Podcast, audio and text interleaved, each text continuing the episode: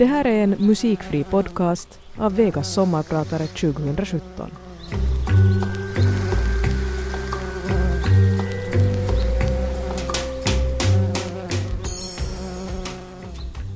Det är lördag morgon i Aleppo den 29 september år 2012.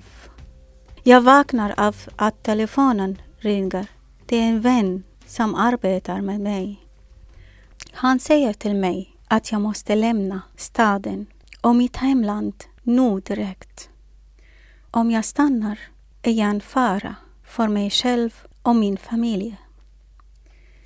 Jag hinner höra vad han säger och samtidigt känner jag en hemsk röklukt. Jag springer ut till balkongen för att se vad som händer. Ett svart moln ligger tungt över hela staden. Gamla stan i Aleppo har brunnit ner helt och hållet. De äldsta kyrkorna, de äldsta husen, de äldsta grannskapen och de äldsta skolorna och marknadsplatserna. De har bränts ner till grunden av soldater från Nasra och andra grupper som har intagit staden. Aleppo var inte så före kriget. Det var en stad som sammanförde väldigt många raser och religioner. Det var en stad som var ekonomiskt center i Mellanöstern. En stad där mer än fyra miljoner människor levde i fred. Jag heter Selena Al-Sharif och jag är din sommarpratare idag.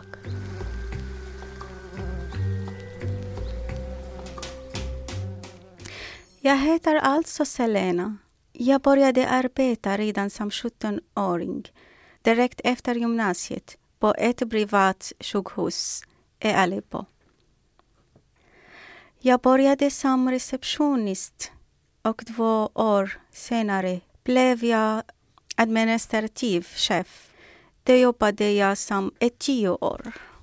Det var ovanligt på den tiden, för i det syriska samhället är det naturligt för kvinnor att utbilda sig och skaffa högskolans examen och sen kan de jobba om de behöver. Oftast behöver de inte, för mannen är alltid ansvarig för kvinnan i Syrien och kvinnan får allt hon behöver av mannen. Men jag ville börja jobba. Jag ville lära mer om livet och få erfarenhet från arbetslivet så fort det bara var möjligt. Min pappa tyckte dessutom att det var en god idé. Efter tio år på sjukhuset märkte jag att jag inte längre kände mig utmanad i arbetet. Så jag bestämde mig för att säga upp mig och slutföra mina studier vid universitetet. Jag började studera internationella relationer och diplomati på samma gång som jag arbetade deltid vid ett försäkringsbolag. Det kändes utmanande och roligt. Efter tre år vid försäkringsbolaget höll jag precis på att bli teamledare. Men då började kriget. Alla slutade arbeta. Jag lämnade Syrien år 2013 och åkte till Libanon. I november 2015 kom jag till Åland. Den här vackra, vackra ön. Nu studerar jag svenska. Jag försöker hitta ett jobb som hjälper mig lära mig svenska snabbare och bättre. För jag vill studera översättning och arbeta med internationella organisationer för flyktingar.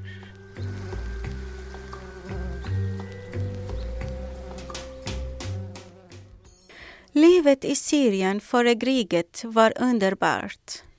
Jag hade absolut inga planer på att lämna mitt hemland och bo i ett annat land. Syrien var ett mycket speciellt land.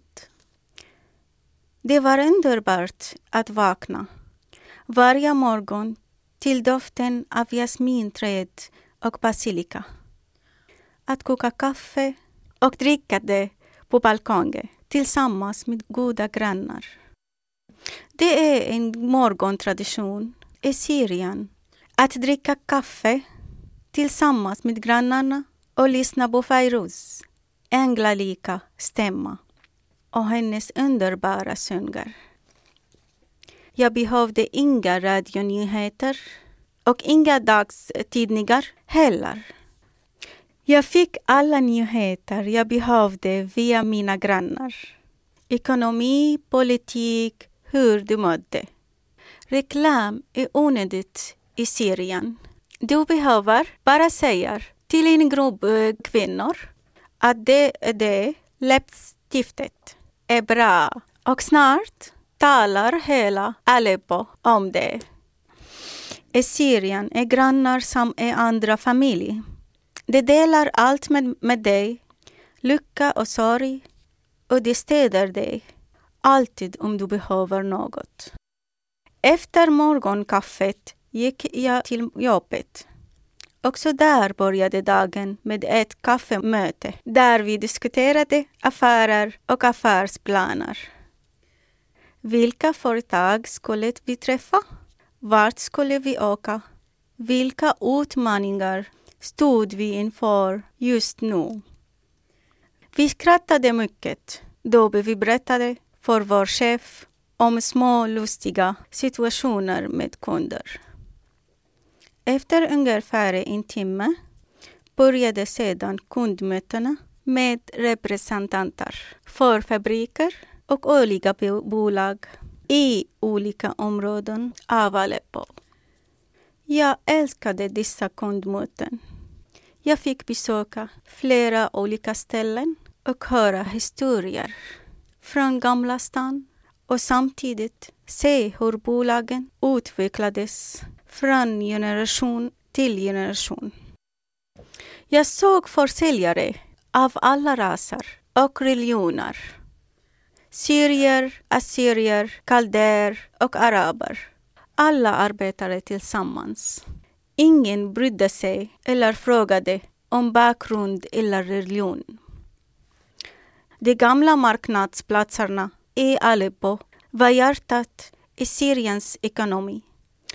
Utmärkande för dem var att de var väldigt vackra och utmärkta exempel på hur ett kommersiellt distrikt i Mellanöstern kunde se ut.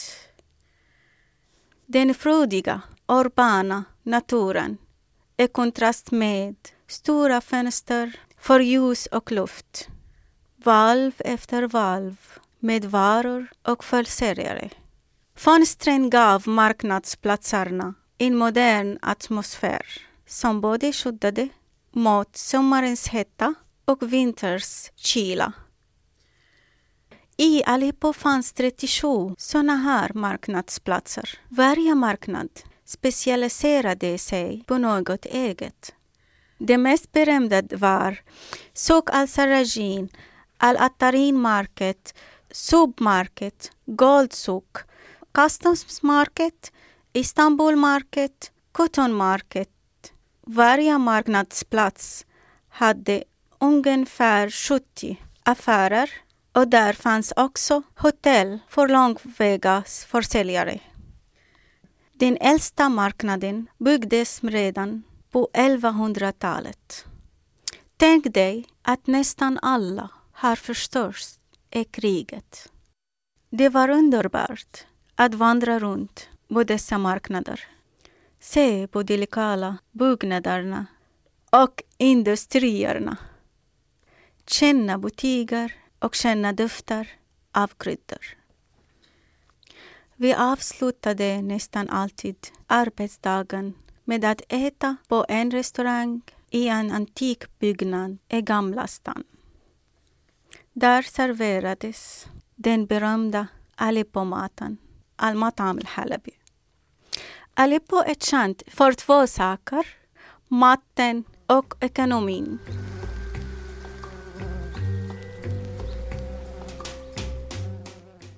Så efter en lång arbetsdag brukade jag gå hem för att vila upp mig i cirka en timme.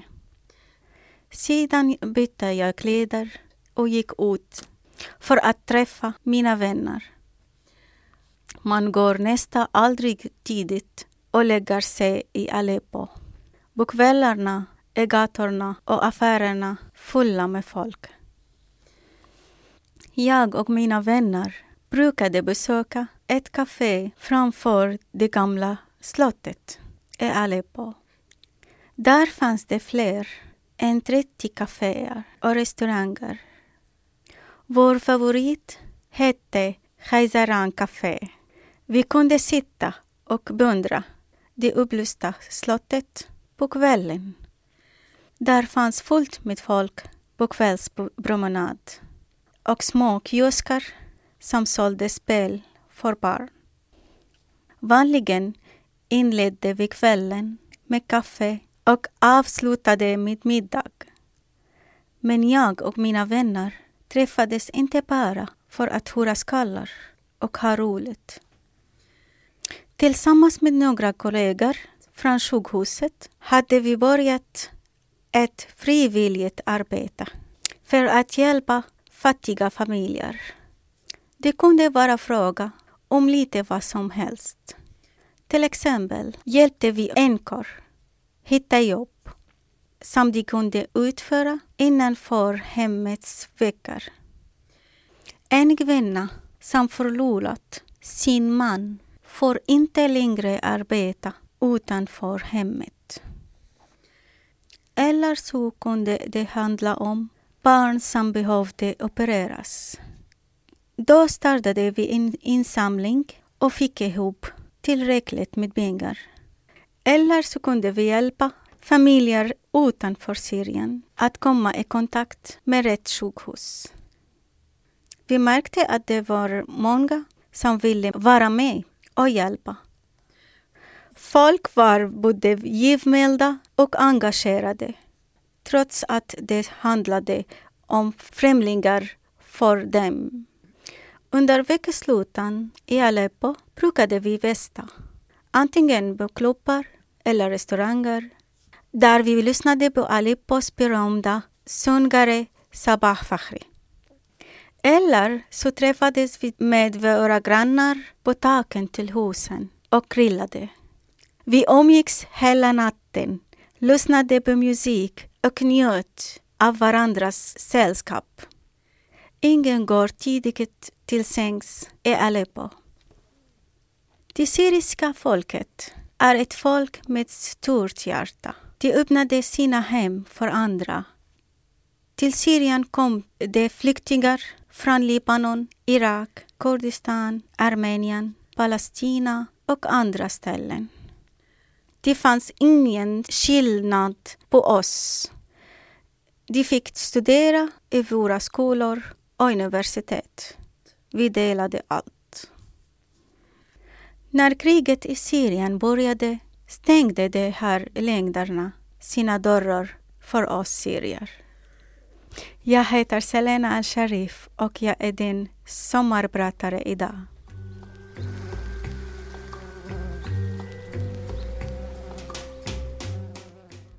Under mitt tidigare jobb på sjukhuset stötte jag på många historier och händelser varje dag. Jag lärde mig ofta mycket från dessa incidenter. Till exempel gjorde historien om 19-åriga Mary med ansiktet stort intryck på mig. Sjukhuset hade fått besök av en mycket skicklig kirurg från Dubai som skulle stanna och jobba för oss i en månad. När kirurgen undersökte Marys vanställda ansikte konstaterade han att det skulle gå att operera så att hon såg nästan ut som en vanlig flicka. Men det skulle kräva tre operationer och de var väldigt dyra. Mary, som hade väntat länge på att träffa denna skickliga kirurg, bröt ihop fullständigt. Hennes familj hade inte råd att betala för operationerna. Hon lämnade sjukhuset. Några timmar senare kom hon tillbaka, men den här gången med ambulans. Hon hade försökt ta sitt eget liv. Det gjorde mig chockad. Jag blev ledsen då jag insåg hur våra uråldriga traditioner och vanor kunde få flickan att vilja ta livet av sig. Det var ju nämligen så att ingen ville gifta sig med henne då hon hade ett vanställt ansikte. Jag bestämde mig för att jag ville hjälpa henne på något sätt. Tillsammans med mina vänner startade vi en insamling. Alla hjälpte till och till sist hade vi tillräckligt för att kunna bekosta Marys tid på sjukhuset. Ett år senare hade hon fått sina tre operationer och hennes ansikte var inte längre vanställt. Vi kände att vi hade åstadkommit något stort. Så vi fortsatte hjälpa människor i nöd. Och speciellt kvinnor och barn. Vi träffades varje dag efter arbetet för att diskutera och planera vem vi skulle hjälpa och hur.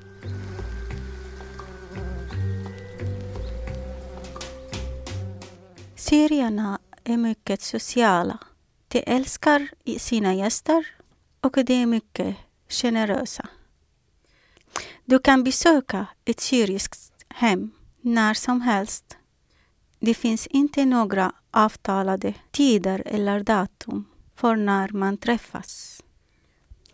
Utan det händer hela tiden. Grannar, vänner, släktingar, släktingar samlas och umgås hela tiden. Om du någon gång själv är gäst i en syrisk familj så kan du inte lämna huset förrän du har delat en måltid med dem. Om du behöver hjälp med något så behöver du nästan aldrig be om det. De kommer att förstå minsta lilla vink och försöka hjälpa dig direkt. Marknaderna i Aleppo brukade sjuda av röster och trängsel, sång och musik. Vi har gamla traditioner i Syrien som är svåra att ändra på. Men vi har alltid respekterat andra kulturer och andra människor traditioner. Syrien har alltid varit något av en smältdegel. Men ändå är kärleken och respekten till olika människor med olika bakgrund har varit viktig. Om du i Syrien får ett samtal av en vän eller en bekant efter klockan elva på kvällen och svarar att du är trött och vill sova kommer din vän att tro att du är sjuk. Inte en människa i Aleppo går och lägger sig före klockan två på natten. Efter elva brukar jag och mina grannar klättra upp på taket och börja förbereda grillen. Någon hämtar sallad, någon förrätt, en annan te och saft och sötsaker. Och sedan samlas vi för att ha det roligt tillsammans och för att sjunga och dansa.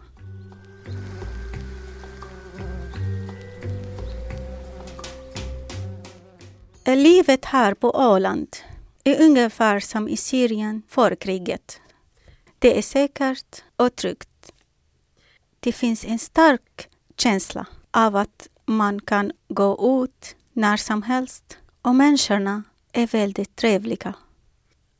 De är nog inte lika sociala som i Syrien, men Åland är ett mycket tyst och mycket lämpligt ställe för en familj som flyr från krigets horror.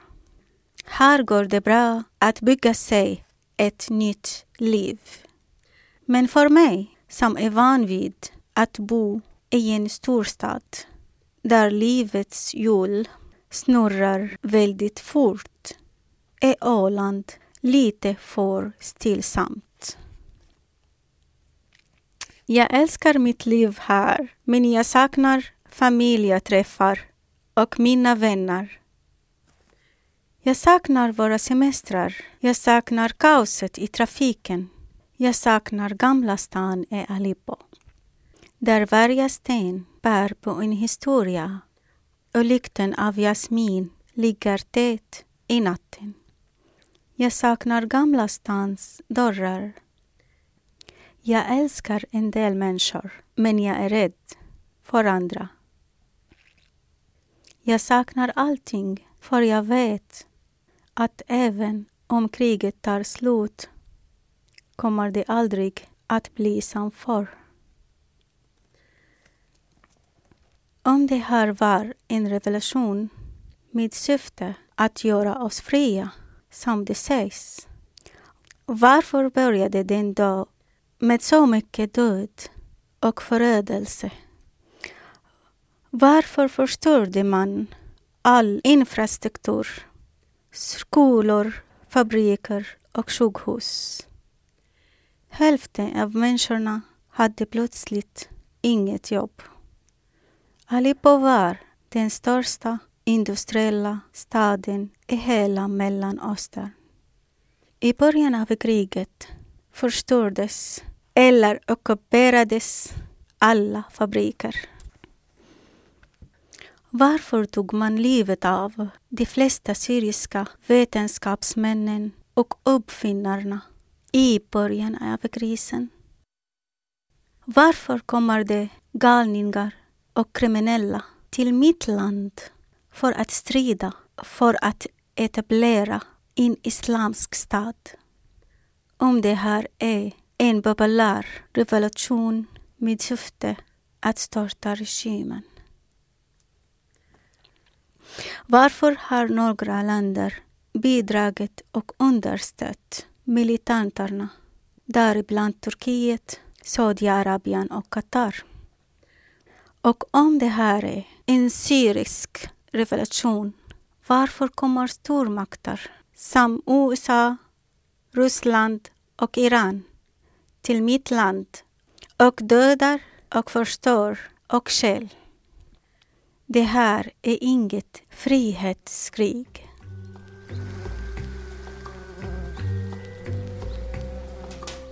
När det blev farligt för mig att stanna kvar i Syrien reste jag till Libanon. Jag trodde länge att min vistelse där skulle bli kort. Att jag skulle kunna återvända så fort saker och ting hade lugnat ner sig i hemlandet. Men varje dag förvärrade situationen i Syrien och kriget blev mer allvarligt. Libanon är till naturen och klimatet väldigt lik Syrien, men inte folket. Libaneserna hatade oss, syriska flyktingar. Jag fick ofta höra om hur vi hade gjort allt sämre i Libanon.